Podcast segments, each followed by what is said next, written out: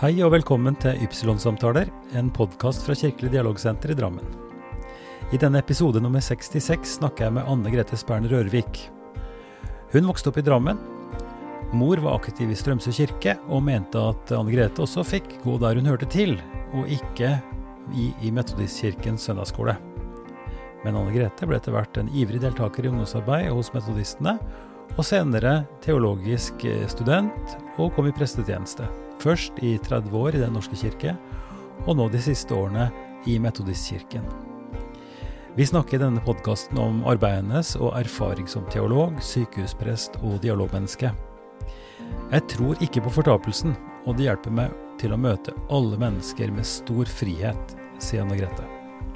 Anne Grete Spern Rørvik, da er vi altså ikke i mitt podkaststudio, men vi har kommet til Metodistkirka i Drammen. Takk for at du fikk komme. Bare hyggelig.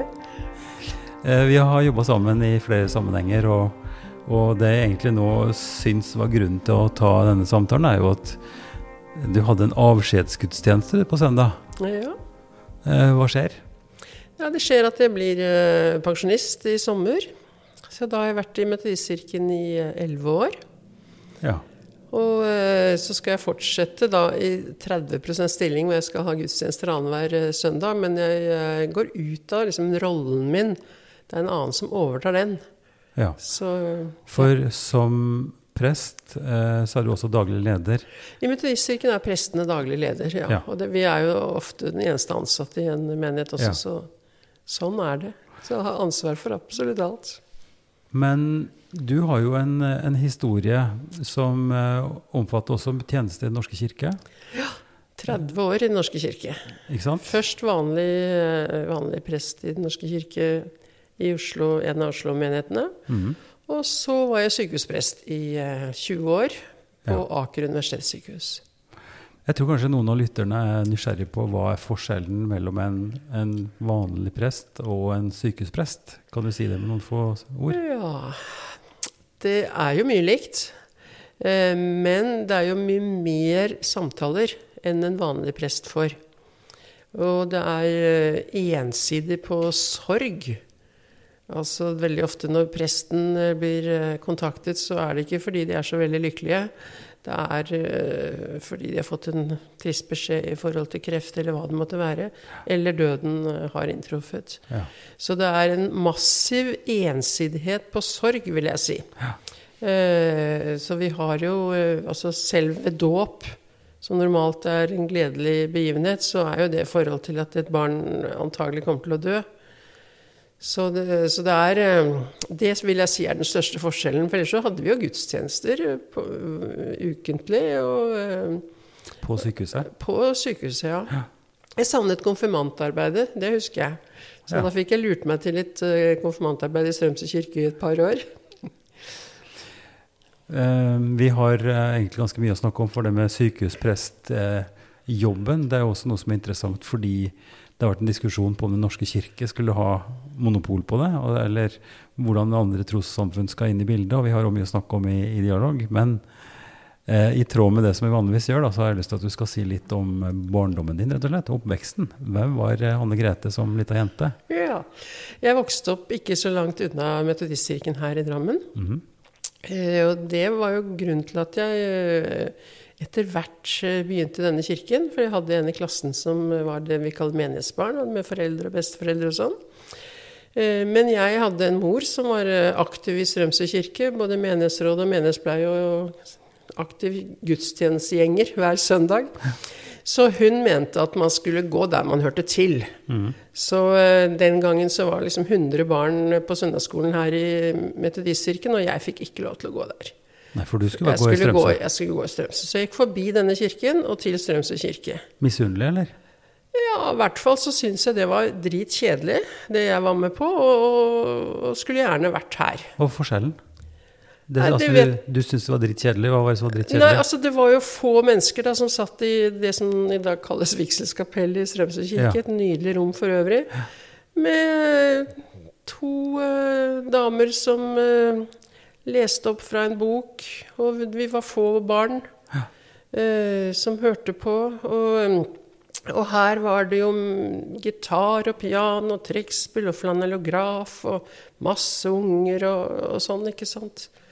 Så, eh, så Men streng, streng eh, mor som mente at, det, at du var feil påvirkning, eller? Var det, Nei, eh, ikke, ikke påvirkning, men det var mer Jeg tror, bare, det, var, jeg tror det var en sånn ja, Man skulle gå der man hørte til, altså rett og slett. Men hun ble jo etter hvert veldig glad for at jeg gikk her. Både hun og faren min, fordi at eh, de så hva denne kirken kunne gi meg. Så eh, hele ungdomstiden min, så om, når jeg omsider begynte her igjen, da Ja. Eller begynte her Ja, ja. Jeg til og med begynte da på søndagsskolen etter å ha sluttet i søndagsskolen i mange år. Eh, Så begynte jeg i sjette klasse eller noe sånt. Og For du, ga- du gadd ikke være med på den kjedelige greia? Nei, jeg. jeg sluttet etter hvert, da. Og det fikk jeg lov til, da. Så, Ja. så, øh, men i sjette klasse så var jeg i Frelsesarmeen, hadde noen sånn barnegreier der. Og så sa han som ledet øh, Frelsesarmeen at han skulle, vi skulle rekke opp hånden alle som gikk på søndagsskolen. Og da, gikk, da rakk ikke jeg opp hånden, og det syntes jeg var litt flaut. For da var det mange barn som rakk opp hånden. Så da bestemte jeg meg for at sannelig jeg skulle begynne på søndagsskolen, jeg også. Og da fikk jeg lov til å gå med til kirken. Så sånn uh, gikk det litt slag i slag, altså med speideren og, og etter hvert diverse barne- og ungdomsarbeid, rett og slett. Og sangkor. Og jeg var vel her fem dager i uka, tror jeg, på diverse ting. Men, det, men det, det er jo en interessant problemstilling, det der, fordi eh, religionsmøte eller konfesjonelle motsetninger og sånt er jo interessant her på, på Strømsø, hvor det er så utrolig mange ulike konfesjonelle steder. da. Var det, en, var det noe som, som var en konflikt, eller var det bare en nysgjerrighet, eller var, var det stammetilknytning? var det, var det, jeg opplevde Eller altså, altså kanskje, Jeg vet ikke ordentlig sånn forhold mellom Den norske kirke og frikirkene, men jeg opplevde i hvert fall at blant frikirkene så var det et veldig eh, fellesskap. ja. Den gang så var det jo ikke bønneuke for kristen enhet, men det var dette vi kalte fellesuka. Hvor vi en hel uke hver eneste kveld gikk til hverandres kveldsmøter. ja. Eh, og hver søndag, i hvert fall her på Strømsø, så var det sånn eh, Ungdommen gikk på Globus. Eh, mange frikirker eh, var der, og der, der liksom kunne du se Der sitter metodistene, der sitter Frikirken, der sitter Misjonsforbundet, der sitter Knoffen. Og så hadde vi en sånn Alle visste om hverandre, alle kjente hverandre. Men, og, men, men eh, Globus, rest- er sånn kafé. Globusgården der? Globus kafé i Antasjen. Det var en sånn vanlig sånn Der kunne man kjøpe kaffe og et Ja. rundstykke eller kakestykke. Eller Så dere møttes sånt. der, rett og slett? Der møttes vi i den eh, ringen, holdt jeg på å si. Da, sånn kirkekaffeaktig.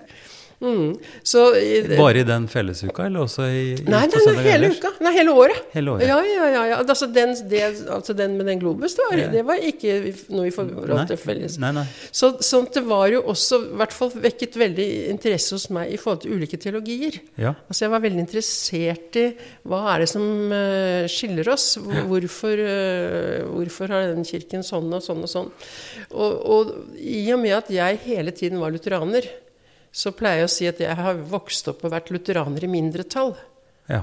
Eh, Sånn at jeg eh, plagde jo alle prestene her i eh, Metodistkirken på alle mine teologiske spørsmål.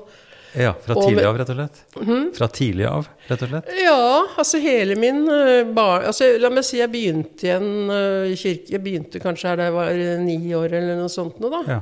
Og, og var alltid veldig interessert i dette. Og, og eh, jeg husker en prest sa at hun er mer lutheraner enn Luther selv. Og, altså, jeg ble sånn erkeluthersk. ja. Men du, Anne Grete, det her er jo Da er vi inne på et, et, et nokså spesifikt område innenfor tro og religion. Troslære. Um, forståelse av hva, hvordan Bibelen skal tolkes, og som da har ført til ulike retninger innenfor det protestantiske, som vi nå snakker om. da. Eh, Men hvis vi tenker enda mer personlig, sånn erfaringsmessig, hva slags oppdragelse Jeg spør ofte om det òg. Hva slags praksis var det hjemme hos deg i forhold til eh, kveldsbønn og, og, var, eh, andakter og sånne Ja, ting? det var ikke veldig kristelig. Det var natt... Nei, unnskyld, hva heter det for noe? Sånn på kvelden. Kveldsbønn? Ja, kveldsbønn. Sånn, altså ikke, ikke fribønn, men sånn Så kjære Gud, har det godt og mitt sånn? øye, Fader Ja. i det høye og sånn. I varetekt med ta? Ja, i varetekt med ta. Fra synd, fra sorg, fra fare? og, og den husker jeg Jeg, jeg skjønte ikke bæret av de der ordene. Varetekt med ta, det var abrakadabra. Ja. Så da, etter at uh, min mor hadde gått ut av rommet, så tok jeg en egen bønn. Som jeg skjønte Ja. selv. Ja. Ja. ja, ja, ok, så du dro på med noe helt Ja, eget? ja, Ja. uff, dette Ja, jeg bare eh, liksom Ja, ja, vi lirte det ut av oss, og sånn ble det. Og så var det bordbønn. Mm. Sang en bordbønn. Men det var aldri noe andakter Nei. eller noe sånt noe. Altså, men, men som sagt, min mor var jo kirkegjenger, sånn at jeg vokste jo opp med, um, med at det å gå i kirken, det er noe som uh, Så der var du med? Der ble du med? Nei, eh, der gikk moren min, holdt jeg på å si, da. Og så gikk jeg på ski med faren min på formiddagen, og, og så gikk jeg på kveldsmøte her på kvelden uh, isteden. Så faren din gadd ikke gå i kirka? Faren min gikk lite i kirken. Han vokste opp i Knoffen. Ja. Uh, og lot seg aldri døpe, til min mors store sorg. Eh, Nei, for der er det voksendåp? der er det voksendåp. Ja, eller troendes dåp, som det heter. Ja da. Så han vokste opp i fattige kår og fortalte at eh, disse emissærene var hjemme hos dem og fikk, ble varta opp med godt pålegg og den slags ting som han aldri fikk eh, hjemme. Så han sto bare og så på dette her og, og, eh, og fikk det helt opp i halsen, på en måte. altså. Ja. Så, men han, han var jo det vi i dag vil kalle sånn folkekirkekristen. altså. Han snakket om Vår Herre, og han var ikke ateist. Nei, nei. Men han delte ikke min mors engasjement da, i forhold til menighet. Det Og du, og du ble liksom noe midt imellom, på en måte? Ja, jeg har, jeg har nesten ikke tenkt på faren min som sånn frikirkelig bakgrunn. Det er først som voksen at jeg ordentlig har fått høre at min farfar var med å starte Knoffen, faktisk. Eh, så da tenkte jeg hm, har jeg virkelig noen frikirkelige aner, liksom? Ja. Eh, for det har, jeg har aldri tenkt på det. Jeg har liksom Altså, jeg har tenkt på Jeg har veldig hatt identitet som lutheraner, og som eh, vært folkekirkeprest på min hals. Sånn at jeg har liksom i nesten i hele mitt liv ikke kunnet tenke meg å bli metodistprest. Det er ganske interessant. eh, Og de som hører på denne podkasten, har jo veldig forskjellig kunnskapsbakgrunn og sånn. Og dette høres jo ganske avansert ut, altså at du er veldig lutheraner og sånn. Hva er den store, Hvis du skal si det og litt enkelt, hva syns du er forskjellen? Mener du forskjellen mellom det å være veldig lutheraner da, og å være metodist? For meg har det hatt noe med vektingen av nåden å gjøre. Altså nådebegrepet. Mm. Jeg opplever at i hvert fall jeg selv som lutheraner eh, hadde veldig sterkt eh, tenkning i forhold til at nåden var først og fremst eh, den rettferdiggjørende nåden. Altså på en måte at du blir, du blir, At bli tilgitt. Du blir tilgitt, og det Ja. er gratis, og du kan på en Ja. måte Ja. bare komme igjen Og, hvis det og skjer man ser for seg dommens dag, hvor eh, Gud sier eh, 'jeg tilgir deg'. Ja. Åpne boka og si at Anne Grete, strek helt greit. Ja, Passer. Ja. Ja, mhm. Men i Metodistkirken så er det sånn fire nådebegreper. Eh, det ene er sånn, og det, og det egentlig har Luther det også, så det er ikke egentlig forskjell, men det er blitt vektingen Nei, men gi, gi oss en uh, time Altså, på det. Kort. Metodistkirken så er det altså, det som heter forutgående nåde, at Gud faktisk uh, kan uh, gå direkte til et menneske utenom via Bibelen eller, eller noe. Eh, eh, sånn at hvis vi snakker med et, et menneske om Gud, så har Gud vært der på forhånd. Ja, ja. Um, Og det gjelder, det gjelder globalt, det gjelder generelt for ja, alt. ja, Mm. ja. Eh, Så ut fra den teorien så er det faktisk en del som sier at metodistisk teologi er å tenke at alle kommer til Gud når de dør. Ja. Eh, Det er nylig en doktorgrad på, på disse tingene nå denne våren. Apokatastisis. Ja. Ja, noe sånt? ja. eh, og, men de har, metodistene har Nå sier jeg de, ikke sant? bare legg merke til det. Altså, Metodistene har også dette, den rettferdiggjørende nåden, selvfølgelig. Men så har de Det vil si at Gud sier Du uansett, uansett, du er tilgitt. Ja. Ja. Men så har de at den, denne nåden er Jeg vil ikke si først og fremst, men i hvert fall også en kraft til å elske sin neste. Ja. Eh, og dermed så blir etikken, altså hvordan leve som en kristen, den får mye større vekt, opplever jeg, Mhm. i metodistkirken enn i den lutherske kirken. Altså I den lutherske kirke er det også viktig, Ja. men det er på en måte tro og etikk. Ja. Mens i Metodistkirken er etikken innebygget i troen, på en måte. Uh, som jeg opplever som forskjellig. Og min egen forkynnelse ble annerledes da jeg ble metodistprest. Jeg i mye større grad eh, forkynte å bruke Jesus som eksempel og leve etter det. Og, og, og, og Ja, altså det, Holdt på å si det Det moralske, da, på en måte. Mm. Mens jeg som lutheraner var mye mer redd for eh, alt som kunne minne om gjerningskristendom, og eh, ja, at vi kunne rose altså liksom, Luther ikke sant, var jo helt allergisk mot alt som kunne føre til at vi kunne rose oss eh, av våre gjerninger. ikke sant? Men Metodistkirken ble jo kritisert for det, tvert imot, Ja. da, da de kom til Norge særlig. Ja. På, med denne gjerningskristendommen, på en måte. Ja, fordi uh, dette har jo sammenheng med, med Luthers uh, oppdagelse, på en måte. Ikke sant? For, for å nerde litt mer, da. Ja. At, at Luther uh, var munk, var naturligvis katolikk, var veldig opptatt av å, å leve rett. Og gikk stadig til skrifter fordi han syntes han aldri fikk det til. Ja. Og så fant han i bibelstedene og skjønte på en måte nøkkelen. At dette Du bør ikke streve, for Gud ser det, og Gud vet hvem det er, og det er no problem. Liksom. Og så, og så at, at dette lo- lov, da, altså at måte Skriften og budene og, og, og dette hele tida driver til at vi skal forstå at vi trenger Guds nåde, at vi skal omvende oss og sant, gjøre bot og alt dette. Eh, mens evangeliet er gratis og fritt. Og så at jeg er helt enig, og, og kjenner nok igjen det, at, at en er redd for da, at det skal være billig nåde. Ikke sant? Altså at, at en liksom bare kan si nei, uansett, så, så jeg er jo elsket av Gud, så jeg kan be om tilgivelse, så er alt greit. Som naturligvis blir veldig forkvakla og, og rart, men det er jo der liksom den vektinga ligger, da. Men det rare er at John Wesley, kirkefaren til Metodistkirken, han fikk jo sitt åndelige gjennombrudd nettopp via Luthers den måten å tenke på. Altså en fortale. Eh, men altså jeg tenker, altså du, du har rett i forhold til da at hvis du tenker kirkehistorisk, så har Luther på en måte reagert på den katolske kirken, som hadde gjerningene.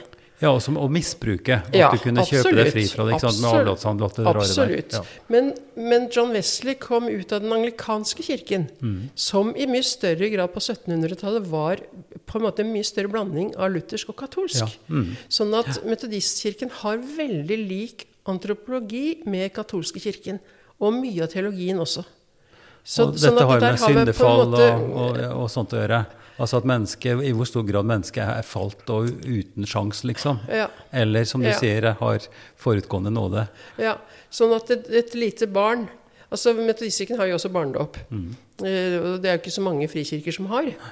Eh, men de er veldig klare på at det ikke er eh, frelse i dåpen. Og at, at de er veldig klare på at et lite barn er eh, Guds barn fra fødselen av. Mm.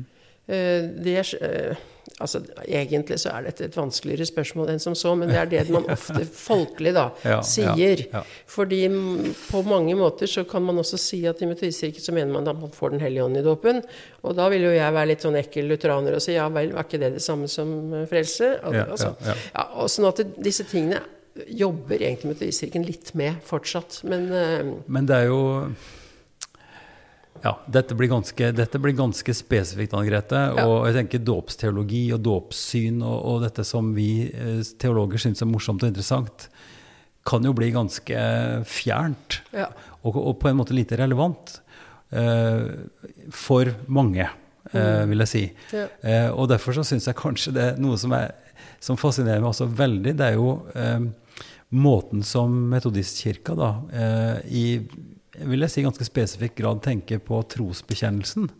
Eh, altså der, der en faktisk, har du fortalt meg, eh, kan skru litt på den, og, og at den tilpasses, at den har liksom sine eh, at, at, at den er mer kontekstuell da, på en måte, og, og utformes mer fleksibelt. Man har jo ikke forkasta, eh, apostolske trosbekjennelser og sånn, men det, si litt om det, for det syns jeg er spennende. Hva er det for noe? altså, de og tre- forklar det enkelt. De tre trosbekjennelsene som, eh, som de fleste kirker har, Ja. den, de står jo for så vidt fast. Ja. Fordi Metodistkirken sier jo i tillegg til Bibelen, så sier man tradisjonen, sånn som katolske kirken sier. Mm. Men det du er inne på, er at hvert fjerde år så er det noe som heter generalkonferanse Mm. i statene, hvor hele United Methodist Church samles. Ja. Og da kan man i prinsippet diskutere hva tror vi på. Ja. Hva skal vår lære være? Uh, og i disse dager uh, diskuteres jo homofilispørsmålet. Heftig, vil jeg tro. Heftig, og det kommer Metodistkirken til å bli splittet på, dette spørsmålet. Eh, sånn at det, så, altså, du har rett i det at dogmatikken står ikke fast. Eh, rett og slett. Og, og, eh, så, ja. Så, så særlig alt det dogmatiske som har med livet å gjøre, det, eh, det diskuteres da helt fra John Wesleys tid hvert fjerde år. Og det, og der ligger jo en impuls som jeg syns er ekstremt interessant.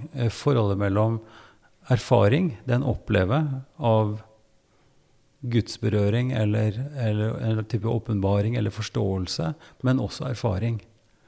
Og hvordan den erfaringen for et menneske fører til en annen oppfatning, og en, kanskje en skjerpa eller en spesiell oppfatning av hvordan forholdet mellom Gud og menneske, og hvordan en skal leve. Eh, Og vi har jo snakka om dette i bl.a. i Lønneboseminaret med Jan Olav Henriksen, som, som, som snakker også så, noe så grunnleggende som treenighetslæren, f.eks. Har et utgangspunkt i de første kristnes erfaring av, av Jesus Kristus som, som guddommelig, og at de måtte finne ut av det, på en måte. Og, så- og det er noe av det samme, tenker jeg, som eh, altså den, eh, er, den erfaringsrespekten, da, på et vis. Og metodistikken har det jo som, som klart i sin lære på en måte da, at det er eh, fire grunnlag for troen. Og det er, altså I tillegg til Bibelen så er det tradisjonen, som sagt. Men nettopp erfaringen som du nå snakker om. Men også fornuften. Ja. Og hvis du tenker på at dette oppsto i 1700-tallet, så var det opplysningstiden som uh, preget eh, det hele. Um, sånn at det er en del spennende ansatser i forhold til uh, både erfaring og, og fornuft, uh, som Metodistkirken er, veldig opptatt av, faktisk. Mm. Men så har du på en måte med alle metodister som er si, like, like um, biblisistiske, da, ikke sant, i forhold til å si Skriften alene. Og, og erfaring og fornuften må bare bøye seg for hva som står i Bibelen, liksom. Altså. Ja, ja, ja. Eh, Så du har på en måte hele spekteret som man kan diskutere ut fra. Men, men i hvert fall så er det eh, altså disse fire ordene, da. eh, Med fornuft og erfaring i tillegg til Bibelen. Mm. Og det syns jeg er ganske, det er ganske frigjørende. på en måte. Det er ganske, det er ganske fint, fordi jeg har jo kommet mer og mer til min, for min del til at vi, vi, det, det er vanskelig å snakke om rene, altså rene former for, for lære. Altså rene At du kan si at han eller hun er en skikkelig metodist eller lutheraner. Fordi vi, fordi vi siler på en måte både trosgrunnlaget, måten Ja. vi forstår verden på, oss sjøl, erfaringer med familie, livet vårt. Og vi, bare, Alt- alt og vi leser jo Bibelen med hele vårt liv. Ja, det er det jeg mener. Ja, altså, og, ja. og, og så opp, hvordan den oppfattes og formes av, av tro og, Ja. og religion og kultur. Ja. Det er jo en veldig individuell sak, men som er satt i en Ja. kontekst. Ja. Slik at, og det, det er det som gjør at jeg fascineres så utrolig av fortellingene som, og, og samtaler med folk. Mm. Eh, fordi når en snakker om hvordan livet er, og hvordan det har vært, og hva som har skjedd opp igjennom, og hvorfor det har blitt som det har blitt, så er det ofte hele den helheten. Mm. Ja. Og det er uklart å si at eh, altså Det er mindre interessant, syns jeg, da, å begynne å sitere eh, grunnlagsdokumenter og si at sånn er jeg, for sånn er det jo ikke. Nei, nemlig. Mm. Men eh, jeg kunne godt tenke meg å høre litt mer om, om eh, sykehusprestjobbinga. For da er, du jo, da er du jo prest i en institusjon, og så, og så jobber du jo sammen med kolleger som ikke er teologer eller, eller kirkelig ansatte. For, fortell litt om hvordan en arbeidsdag kunne være. Ja, eh, altså vi jobbet jo, som du da sier, tverrfaglig mye. Mm. Altså sammen med sosionomer som også hadde samtaler. Eh, sammen med psykiatere som også hadde samtaler.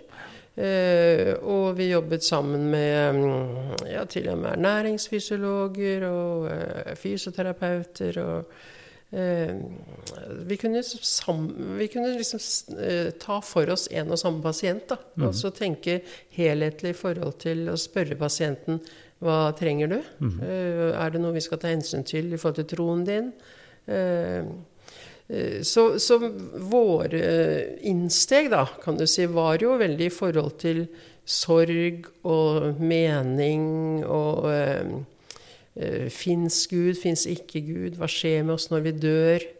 Eh, den type temaer, ikke sant? Mm. ja. Ja, Hva skjer med oss når vi dør? Nei, det er det jo ingen som vet. Er det noe godt svar da, Anne Grete? Er ikke du prest og greier? Eh, Ja. ja. eh, men eh, jeg på å si det, jeg, det jeg kan svare, er jo hva jeg tror.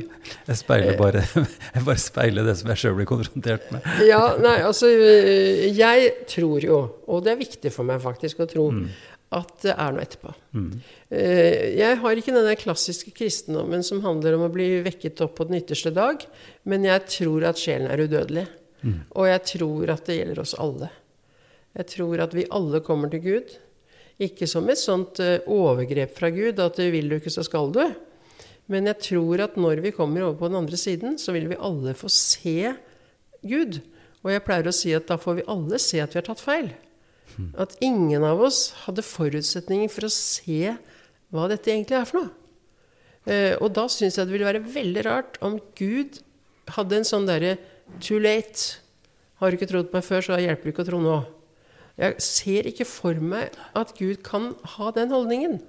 Derfor tror jeg på at vi alle eh, kommer til Gud. Og det har vært min eh, eh, lidenskap som sykehusprest. å å- og fortelle døende mennesker det. Altså så mange som kunne være engstelige for hva som skjedde med dem. Og, så jeg husker en gang vi hadde litt sånn strategimøter. Og direktøren var opptatt av at vi skulle skrive ned Altså ikke, altså ikke bare vi prester, men alle liksom vi, hvilket produkt vi hadde, på en måte. da, som, som av Ulike avdelinger, ulike fag, og leger, sykepleiere og sånt. Og da husker jeg jeg sa at men prestenes produkt det er jo å gjøre pasientene trygge før de dør. Trygge på at de er elsket av Gud, og at de kommer til Gud når de dør. Og da ble hun så begeistret og sa 'Skriv ned det!' sa hun da. Eh, Men det er jo på ingen måte uh, uproblematisk, eller altså som teologisk posisjon, så vil du jo bli hardt uh, konfrontert med hvordan det kan henge sammen med frelse og, og, og, og tro på Jesus osv. Eh, den som ikke sant? Vi er veien, Absolutt. sannheten og livet. Disse, Absolutt. og Og den den, doble utgang som, Ja, som, som også er noen begreper som høres litt rare ut, men som handler om at det er noen som blir frelst, ja, og noen går fortapt. ja. Og at altså, uten det så har kristendommen ingen mening, vil, noen si da. ikke sant? Hva er vi tuller med da? Og det, det, det, det er en uh, legitim posisjon, det. Og, og den har vi intern i menigheten. Og, og vil vi kunne ha ethvert prestefellesskap, egentlig. Så, så når du spør meg hva skjer etter død, så hva er det derfor jeg sier det vet vi ikke. Nei. Men, Ja, ja, men, men det, det jeg sier, er hva jeg tror, rett og slett. Og Men, den- men at vi prester og, og kristne i det hele tatt tenker ulikt om det, det gjør vi jo. Så klart, og, og det er jo basert igjen da, på det vi snakker om, altså dels på disse dokumentene våre, troslærere og, og tradisjonen, men også hvordan vi leser bibelsteder og hvordan vi tolker de hellige skriftene, som er altså Bibelen for vår del. Ja. Og der vil du finne hele spekteret. Eh, så det er, mange, det, er mange synsmåter, og, er, sånne samtaler for, for, eh, tenker jeg også krever at en, at en har en sånn noenlunde felles forståelse av hva en snakker om. For jeg har jo også en, en erfaring av at, at vi fort går i baklås liksom i hvert vårt område og sier at ja, men altså, da kan jeg ikke snakke med deg, for dette er ikke min religion. Og jeg har lært at det er sånn, og Bibelen sier altså, er det på en måte døra stengt og slåen dratt ned. Så det, det forteller jo noe om også en type frihet da, som en har som, les, som troende og som bibelleser eller leser av en annen hellig skrift, at en må finne, finne sin trygghet i det, som, som er forenlig, som du sa, med både fornuft og erfaring og, og menneskelighet, vil jeg også si. Men den tryggheten vil jeg vel si at jeg fikk på teologisk fakultet. Ja. Altså studietiden min mm. er vel egentlig der jeg kan eh, si at jeg, det- det formet meg teologisk i forhold til sånne ting. Vil du si noe, noe mer om det? Altså, sånn at, at, hva, hva var det som skjedde? Hva var forskjellen? Hva var det som utvikla seg? Hvordan, altså fra du Jo, kom altså jeg startet jo som en relativt tradisjonell kristen, jeg, i forhold til homofilispørsmål og så, og mer sånn type Ja, men det står jo i Bibelen at. Ja, ja, ja. Mm. Uh, var jo der. Ja. Uh, og så eh, lærte jeg om eh, ja, både det som kalles redaksjonshistorisk metode, ja. spørre eh, altså, Og se, se at Bibelen selv jo ikke er entydig. Eh, se at ulike forfattere mener ulike ting. Eh, og få en bevissthet på at vi, vi er selektive når vi leser, og ingen tar bokstav, Bibelen bokstavelig på alle måter. Og vi plukker ut her og der. Og, Var dette konfliktfylt for deg? Var dette vanskelig? Nei, ikke det. Ikke bibelsynet, men kanskje nettopp det vi snakket om nå, nettopp i forhold til frelsen. Jeg husker Jakob Jervel hadde en forelesning om Johannes evangeliet, som sa et eller annet om, eh, om ja, Nå husker jeg ikke ordentlig, eh, men det var i hvert fall et eller annet i forhold til eh, at Jesus frelste, eller noe sånt noe. Mm. Og, og da, var jeg, da, da, var det nesten sånn fra magen eksistensielt Ja, men på hvilken måte? sa jeg da. Mm. Og så var det sånn Ja, det er et interessant spørsmål. Vi fortsetter neste time om en uke. og, sånn at uh, jeg, jeg, hadde Jeg hadde virkelig sånne uh, Altså, teologi har alltid vært veldig eksistensielt for meg. Mm. Kanskje særlig da i dette å vokse opp i metodistkirken og, og tenke sånn Guri, skal jeg bli metodist? Hvis jeg, får, hvis jeg endrer dåpssynet mitt, liksom. Ja. Guri, må jeg bli må jeg, altså, altså, Det veldig, har vært veldig spesielt for meg sånn. Mm. Sånn at det å f.eks. skifte litt syn i forhold til forsoning, eh, altså lære om ulike forsoningsteorier eh, altså Da jeg gikk på videregående, så hadde vi den derre eh, broillustrasjonen og hadde mye av det derre med at eh, det må du være mer spesifikk på, sånn at folk skjønner hva du ja, snakker om. Altså at det er en kløft mellom mennesker og Gud mm. uh, som vi mennesker ikke kan overstige. Og så kommer Jesus inn der, uh, og så blir det liksom tegnet et kors da, som en bro uh, ja, over. Ja. og jeg har jo da nå i senere tid polemisert veldig mot den måten å tenke på. Fordi, fordi eh, jeg opplever at altså hvis vi skal ta det vi kaller inkarnasjonen alvorlig, mm. at Gud faktisk viser seg fram i Jesus, mm. så syns jeg ofte at det blir forkynt den, det gamle gudsbildet. Eh, og at Jesus da ikke forandrer gudsbildene våre. At Gud er den strenge dommeren som ikke er i stand til å tilgi uten å få et offer. Mm. Og så kommer Jesus inn fra sidelinjen som en sånn reddende engel. Eh, og, og, så blir alt bra. Eh, Istedenfor å tenke at det er jo Gud som viser seg fram i denne Jesus. Det er. Guds mildhet vi ser når vi ser Jesu mildhet. Jeg syns det ofte er, blir sånn Jesus vår milde bror og Gud vår strenge far. Mm. Altså bli ja. hengende igjen i noen greier. Og sånn at det ikke Jesus blir radikal nok for oss, på en måte. Altså i forhold til Gud. Eh, så, så, det er også ting jeg tror jeg eh, balte med mye. Ja, ja. Og, og altså, jeg ble røska opp i gamle altså, måter å tenke på som, som var smertefullt, ja. Men, eh. men, det er jo mange som bruker nettopp den erfaringen til å si at ja, det er jo livsfarlig å, å, begynne på teologisk fakultet eller på teologisk, en teologisk skole. For da ramler alt sammen. Mm. Da blir det som du har lært, altså barnetro og forestillinger, blir, som du sier, røska fra hverandre. Og, eh, og, og det er både smertefullt og, og skummelt når du, når du, drar dit for å bli spesialist eller, eller på en måte enda sterkere. Og så blir du på en måte skipla, da, så du må begynne på nytt igjen. Eh, ikke, ikke, på nytt igjen helt, men altså det der eh, Sånn at det er, jo, det er, jo, sterke føringer på det at en, en fraråder unge mennesker å dra på teologien. For en bør heller gå da på en bibelskole og så få forsterka mm. disse posisjonene en har. Og gå ut og være sterk og klar og entydig og osv. ja, stakkars.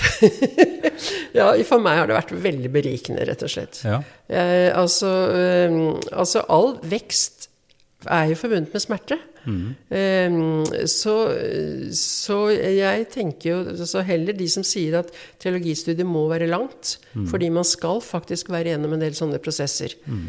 Um, og det er noe med resten av livet uh, ha vært igjennom diverse eh, anfektelser. Mm. Eh, sånn at man står litt større, på en måte. Mm. Eh, og, og, jeg syns jo altså Det kommer jo an på hva slags teologi man hadde fra før av, selvfølgelig. Men, men, for meg har det, har, altså det, det, det, fakultetet har gitt meg, har vært så utrolig verdifullt i forhold til hva jeg hadde med meg fra før av. Jeg må nesten si det at mine besteforeldre i Oppdal, indrevisjonsfolk, gammelklokke Flaten og lærer Flaten og Elise, For fordi var jervel et eh, Altså, det ligner på jævel på, på trøndersk. Og, og, det var nesten der, altså. Ja, jeg vet for, for, fordi han ble oppfatta som en som nettopp rev ja. grunnlaget i stykker. Ja. Mens du elsker jo Jakob Jervel. Jeg elsker Jakob Jervel. Jeg tror ikke det er noen mennesker jeg siterer så ofte fra Prekestolen som han. Nei.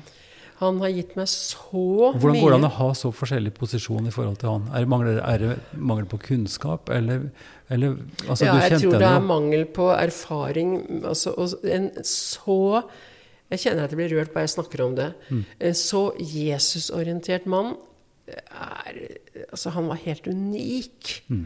Og så var han hadde et kall til å bli prest. sånn at det å være prestelærer var for han liksom det nærmeste han kunne komme kallet sitt. Mm. Så hele tiden hadde han en sånn Hva ville skjedd hvis du sa det i sjelesorgen?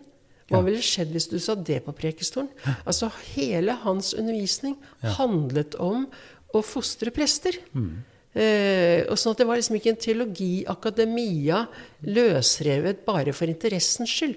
Han var så tydelig på evangeliet og at Jesus skal frigjøre. Og, altså, og jeg syns det var helt fantastisk å komme inn i den verdenen. Ja. Og, men også siden har jo, til, har jo Teologisk fakultet vært min kilde Eh, jeg har vært på hvert eneste eh, etterutdanning og Jervel-seminar og hva det måtte være. Mm.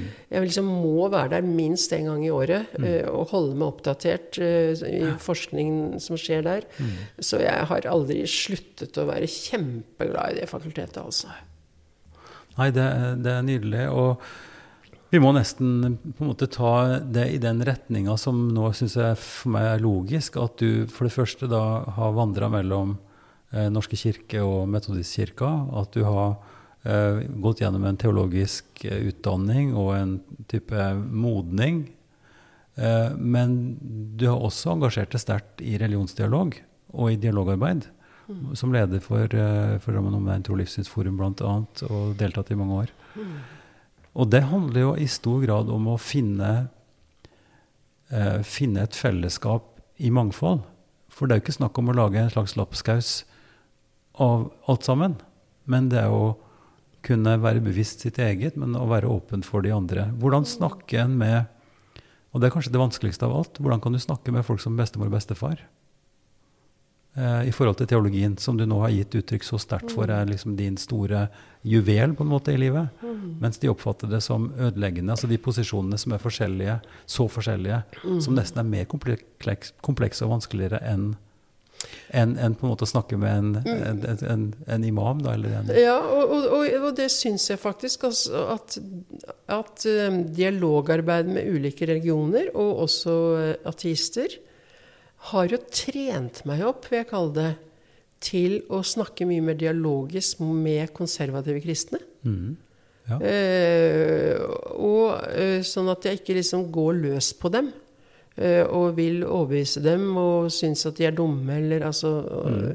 Eh, så, og, Men igjen, Teologisk fakultet Jeg tok 30 studiepoeng i religionsdialog. Mm. Og syns jeg Altså igjen åpnet øynene mine for så mye. I forhold til dette. Hvis du skal si ganske kort, hva var det da som beholdninga di etter et sånt kurs, og hvordan tenker du nå? Ja, det, altså, det var f.eks. Det var Oddbjørn Leirvik særlig som hadde de kursene den gangen. Eh, og altså F.eks. For i forhold til muslimer. Mm. Så uh, kjente jeg jo igjen radikale muslimer. Så, altså da, det finner vi jo nesten ikke i Norge i det hele tatt. Eh, men type teologer i Kairo, f.eks. De kan jo operere med det som vi vil kalle redaksjonshistorisk metode. Mm. Eh, og, og f.eks. snakke om Koranen ble til på 600-tallet, og at det står i Koranen at kvinner skal eh, arve halvparten av menn. Eh, hva, hva, vil det si å være tro mot Koranen? Vil det si å beholde de setningene? Eller vil det si å tenke historisk og si at ja, men den gangen så arvet ikke kvinnen noen ting. Så skal vi liksom løfte opp kvinner og være i den retningen. Altså, den type tenkning kjente jeg jo igjen. Og Oddbjørn kunne fortelle at når han var på sånne internasjonale konferanser, så var det jo ikke skille mellom muslimer og kristne. Men det var skille mellom konservative og radikale blant muslimer. Og det samme gjelder eh, i forhold Så, så han, altså han hadde så mange artige fortellinger om um, om, liksom Hvis vi løfter blikket litt sånn i verden, da. Ja. Eh, at det ser litt annerledes ut enn i Norge. At f.eks. sånn som i Drammen, hvor vi kanskje kan ha en, en, en landsbygd fra Tyrkia som kom til Drammen, så tenker jeg, så tror vi at ja, det er islam. Som om det hadde vært en veldig konservativ bygd i Norge som hadde flyttet til Tyrkia, så hadde de visst hva kristendom var. Altså, jeg syns at, øh, at altså det ga meg litt sånne øh, andre perspektiver da, enn vi kan få inntrykk av eh, i Norge. Ja, ja og, og det du snakker om da, det er jo bevisstheten om at det fins stor, stor variasjon innenfor enhver eh, religiøs retning Ja, ja. og enhver tradisjon. Ja. Og, og hvis vi bare snakker om altså Dette er jo banalt, men det er godt å huske på det, at bare innenfor den skal vi si, reformerte, altså tradisjonen etter Luther da, fra 1500-tallet, eh, har jo avstedkommet en stor variasjon av veldig forskjellige teologier, men som allikevel er bygd på Luther. Men med utrolig forskjellig eh, både fokus og innhold, men også eh, syn på de andre. Ikke sant? At eh, vi, det er egentlig vi, så ikke bare egentlig, vi har skjønt dette best, og vi har den rette teologien, og de andre må vi Ja. forsøke å få på rett spor. Mm. Uh, og det, men altså i, i dialogerfaringen din, da uh, Kritikken, som, som jeg også har hørt mye, og som vi for, for så vidt da har snakka sikkert om mye før òg, men, men kritikken er jo altså hvordan er det mulig å, å skulle tenke at du har at du står fast på din egen teologi og forkynner evangeliet og, og, og dine troende, altså ditt fellesskap, på den ene sida den ene dagen, og i neste omgang stille det helt åpent til hva som helst. Altså det å, å, å ha et fortrolig forhold til både muslimer og hinduer og hva det måtte være. Eh, hvordan går det i hop, tenker du? Altså For meg så hjelper det å ikke tro at de kommer til helvete. Altså For meg så hjelper det å ikke ha et, en sånn drivkraft som handler om at, å redde dem. Jeg, jeg, jeg har på en måte litt sånn Jeg syns det er spennende å høre hvordan de tenker. Rett og slett som en sånn derre ja, altså, både at jeg ikke er redd for at jeg selv kanskje skulle bli påvirket av det. Eh, for jeg har jo også da, gjennom et langt liv eh, tenkt forskjellig, og jeg pleier alltid å si at om jeg, altså, dette mener jeg nå, om fem år garanterer jeg ikke at jeg mener det samme. Eh, så jeg, sy jeg, jeg syns det er eh, altså jeg, For meg er det en sånn hjel hjelp da, med den teologien. Ja. Men jeg er jo klar over at ikke alle er det som driver med religionsdialog. Og jeg har jo også hørt mennesker som sier at vi, vi må på en måte godta at vi alle er misjonerende eh, tro. Eh, men at vi lar det ligge liksom akkurat i dialogen, akkurat når vi snakker sammen. Eh, men for meg er det for meg er det godt å ikke bare legge det bort der og da, men faktisk, altså. Jeg trenger ikke å prøve å få en muslim kristen. Der var jeg ikke for mange år siden. Altså, da jeg gikk på gymnaset, så, så tenkte jeg jo at det var viktig at eh, alle ble kristne for å redde dem fra helvete. Jeg tenkte jo det. Ja, men altså det er jo ikke Det er jo et par uker siden jeg hadde en samtale med, med Laila Larkosa, som, som stiller det spørsmålet ganske direkte til oss. Uh, I Den norske kirke f.eks., og, og min praksis da som dialogprest. Om ikke det ligger en stor motsetning der. Hvis vi tror altså at, at, at Jesus er frelser, og at vi forkynner evangeliet, må vi ikke da bruke all energien vår på, på det? Og sørge for at folk blir frelst, altså kunne følge Jesus, for det må, da må de bli kristne. Det er jo den tankerekken. Eh, Så, så en type konflikttenkning mellom misjon og, og, og dialog. Eh, som du da eh, på en måte Ikke bare på en måte, men du, som du hviler i en grunnlagstenkning som sier at dette er ikke min sak. Altså dette er Guds sak, eh, og, og, og, og Gud har en ordning.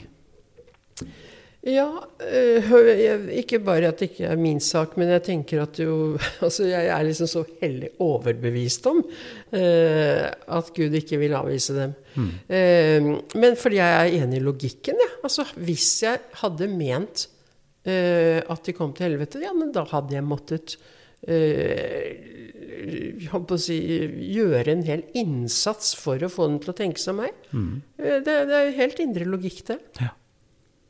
Og, da, og som sykehusprest så øh, så syns jeg altså Sykehusprester er jo også ulike teologi på akkurat disse tingene her. Mm. Eh, men da provoserte jeg av og til mine kolleger litt og spurte hvordan kan For rent alle var faglig enige om at man ikke skulle prøve å omvende pasienter. Mm. Det var liksom en sånn faglighet på det. Ja.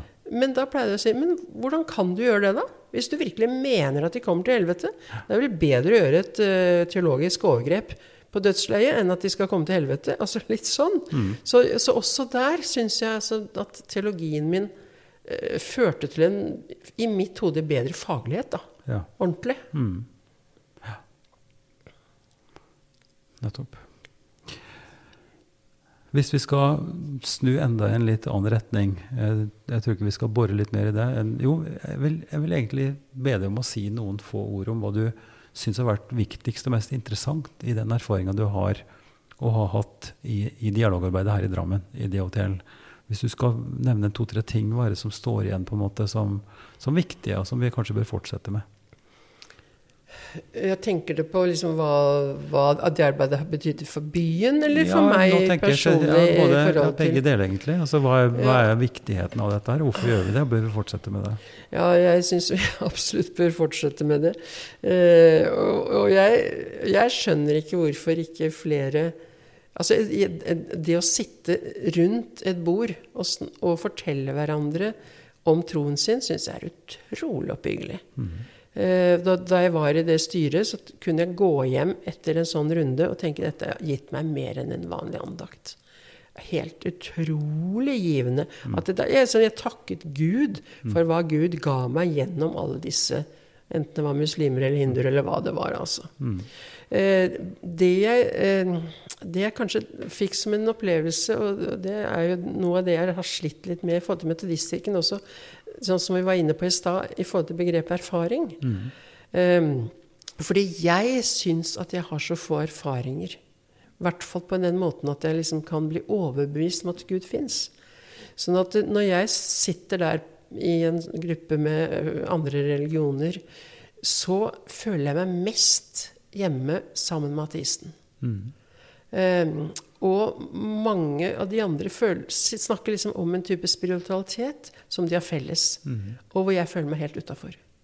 Si et par ord om deg. Hva, slags, hva er det da du føler utafor? Altså, jeg, jeg, eh, har aldri fått det til. Altså, da jeg, på 70-tallet prøvde jeg å bli åndsdøpt.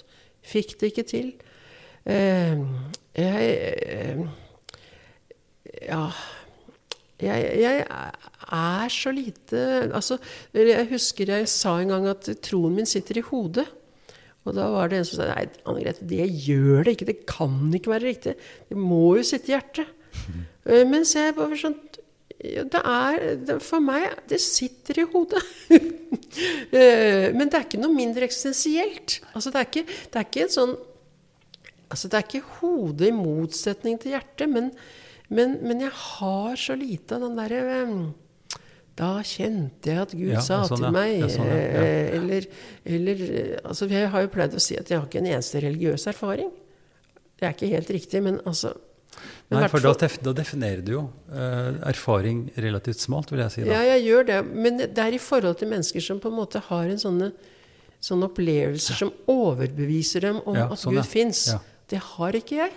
Jeg pleier tvert imot å si at jeg våkner opp hver morgen og befinner meg fortsatt som troende, og det er et mirakel. At jeg fortsatt er troende. For jeg tenker mange ganger at jeg kunne like gjerne vært havnet på den andre siden. Men altså, jeg blir jo urnysgjerrig naturligvis på hva, hva, er det da? Det må jo være en følelse av at du er troende. Altså du vet at du er troende. Hva ville det vært hvis du ikke hadde våkna opp en dag plutselig? Hva ville det vært forskjellig? Nei, da hadde jeg trodd at Gud ikke fantes, altså. Ja, så, det, så, så, det, er en slags kognitiv prosess ja, du snakker om hele tiden? Og jeg er livredd for å våkne opp og tenke at Gud fins ikke. Nei, det, det, det, er veldig interessant. Eh, vi må bruke litt tid nå mot slutten. Altså det, går jo så fort, dette her. Men, men eh, vi er jo inne i et interessant markeringsår. Hans Nilsen Hauge. Mm. Eh, og da er jo dette med erfaring en slags start en slags startimpuls på en måte for han da han gikk på åkeren ikke sant, og, mm. og pløyde. Og sang da sin fromme salme, 'Jesus sin søte forening og smake'. Og så skjedde det noe mm. som han er ganske forsiktig med å skrive om. Men en, han sier at det var en slags følelse av at det åpna seg noe. Altså jeg tror det er, Om du ikke har følt det, så vil jeg si at jeg har følt uh, dette. Men ikke nødvendigvis sånn som definert en gudsopplevelse. Men plutselig så skjer det noe altså at du føler at du er veldig levende, eller at du, at du må våkne opp. eller altså Det er noe som berører deg så sterkt. Det kan skje i musikk. Eller det kan skje på andre måter. Altså en, og denne opplevelsen. Men for han så var dette en, en, en rystende og en, en, startimpuls til å føle at han måtte gjøre noe. Eh, og det skjedde jo i en kontekst den gangen som var veldig streng, for da var det kongen, pietistiske kongen som hadde satt opp dette eh, Eh, dette, den loven sant, som gikk på at ikke du fikk forsamling, forsamle flere hjemme enn noen få. Mm. Dette er ganske innfløkt, og sånn, men, men, poenget at han satte i gang, eh, og det var den ene impulsen. Det andre var jo at han var veldig aktiv ute for å få folk i jobb. Etablerte masse bedrifter og, og holdt på. Veldig inspirert. Husandakter, eh, bønn og lesning, samtale om de åndelige ting, og så ut og jobbe. Og han ble jo på en måte far til hele den skal vi si, lavkirkelige bevegelsen, bedehusene og, og, og alt dette som, som, tok forskjellige retninger. Så, så det syns jeg er veldig interessant. Men, men, det er også da på en måte splittelsen mellom den lovlige norske kirka med prestene og, og kongestyret, ikke sant? og det som du nå er en del av, og som Drammen er full av, altså frimenigheter, da, eller dissentermenigheter, som det het før. Mm. Og det, det gikk jo helt opp til 1840-tallet før det ble lov mm. å forsamles som baptister eller mm. eh, Så det jeg har lyst til å, å, å, høre deg snakke litt om, det er jo hvordan ser du på forholdet mellom majoritet og minoritet nå? Altså Én ting er jo kristne og muslimer og alle sammen i en, i en samtale i et dialogforum. Mm. Men også situasjonen for la oss si, Metodistkirken da, i forhold til Den norske kirke. Mm. Og, og, det å være i mindretall og ja. Hvordan, hvordan har dette påvirka deg og på en måte din, ditt arbeid da, som daglig leder og prest her i Metodistkirka? Altså, jeg var jo folkekirkeprest på min hals. Eh, og tenkte at Definer det for oss, er du snill. Ja, det er å ikke ha dette misjonerende holdningen til døpte mennesker som kommer hver julaften. Eh, og ha, altså det motsatte, da, for å si det sånn, er veldig sånn 'du må bli kristen', liksom. Og snakke nedsettende om, om folks tro hvis de ikke går i kirken. Eh, og så eh, Folkekirketeologi handler mye mer om å bekrefte folks tro. Mm. Eh, og ha et verdensbilde som egentlig heter at det er så mye tro der ute. Mm. Eh, og vi lurer oss selv ved å tro at det er bare hendinger overalt. Mm. Ehm, så da jeg skulle bli frikirkeprest, da, som metodistprest, mm. så måtte jeg gå mange runder med meg selv. Jeg var livredd for å bli kristnes fritidsleder, rett og slett. Ehm, Fordi? Så, hva tenker du da? Nei, det hadde jeg da virkelig ikke lyst til. nei, men Hva, hva er det som ligger i det? Hva nei, altså det, det, jeg måtte begynne å tenke på, det var nesten sånn som med ledelse. At det å lede er å gjøre noe gjennom andre.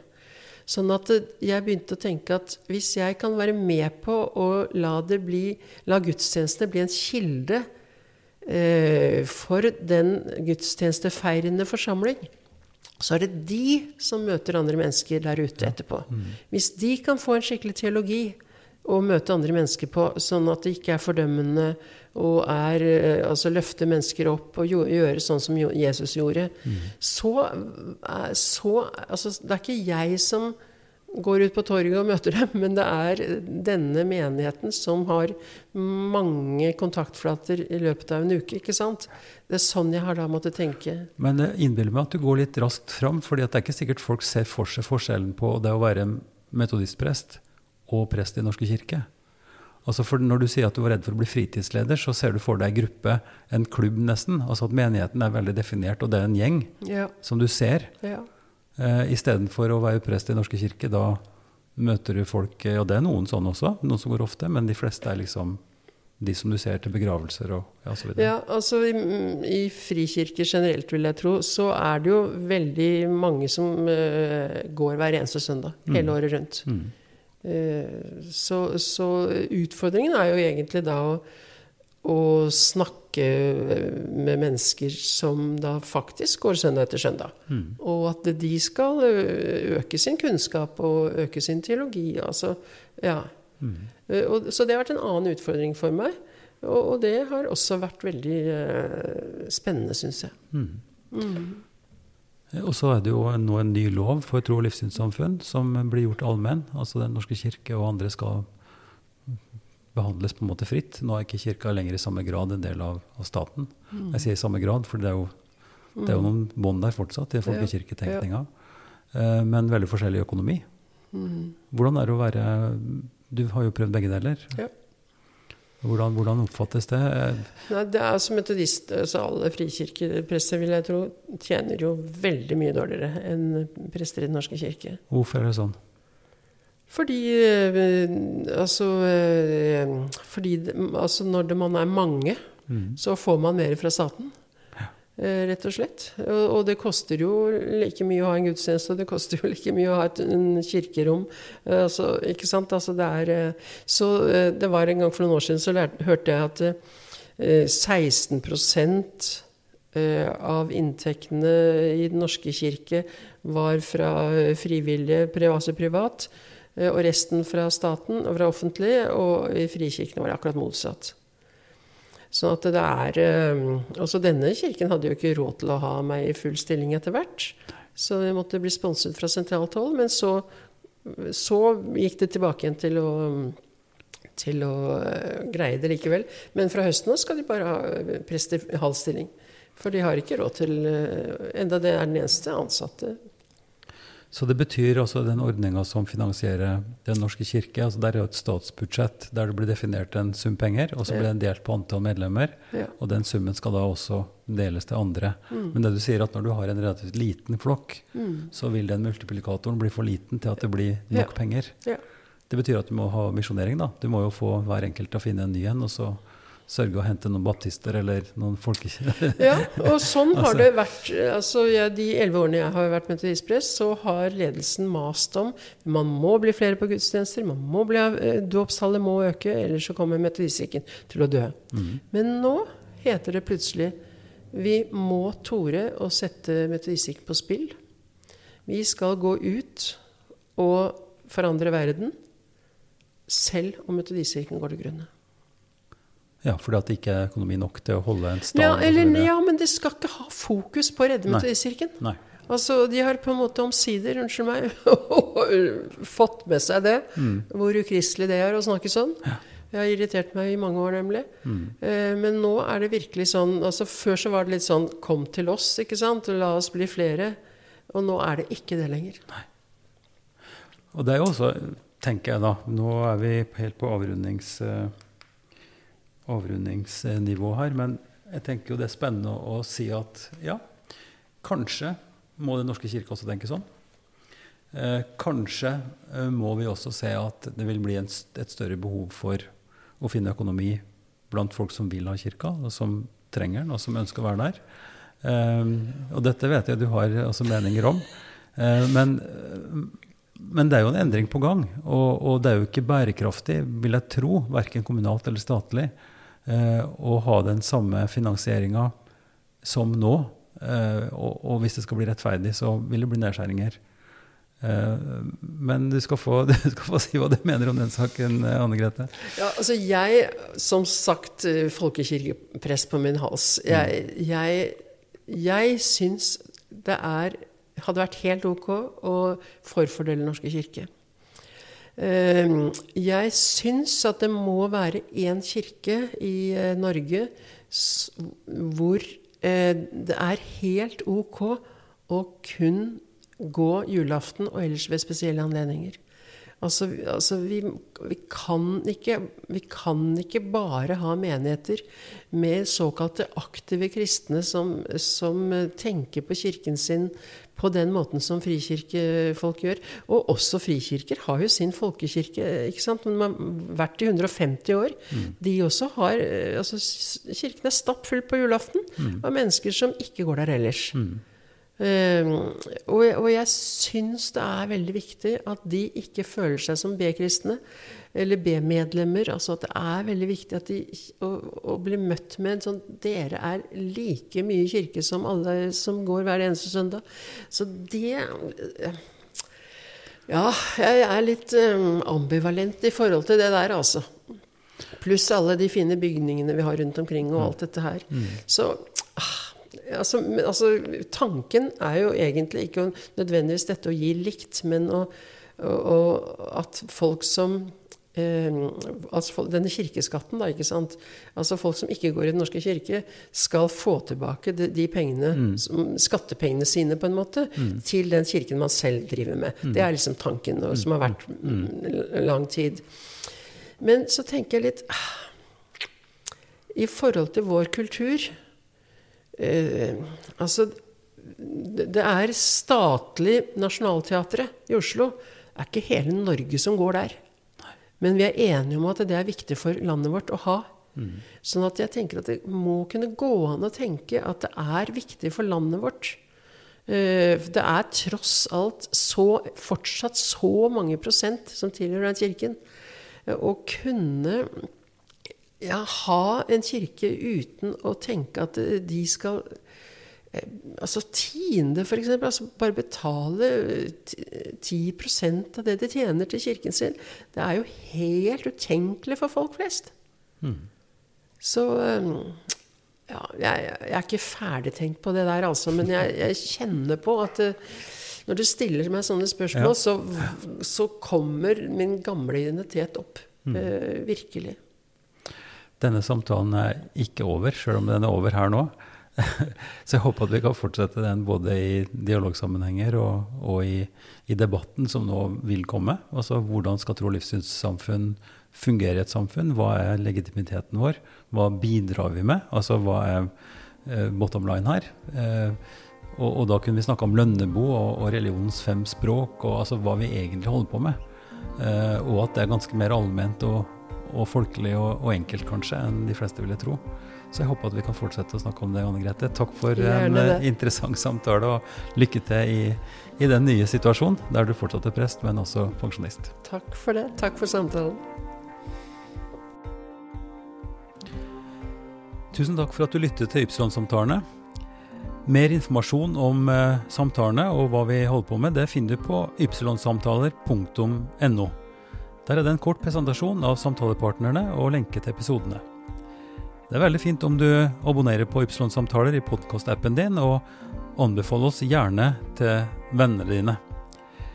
Vi er veldig glad for tilbakemelding og forslag som du kan sende til, til meg til Ivar krøllalfa kirkeligdialogsenter.no. Denne podkasten er støtta av Drammen kommune, Barne- og familiedepartementet og Einar Juels legat. Ansvarlig utgiver er Kirkelig dialogsenter i Drammen ved daglig leder Ivar Flaten.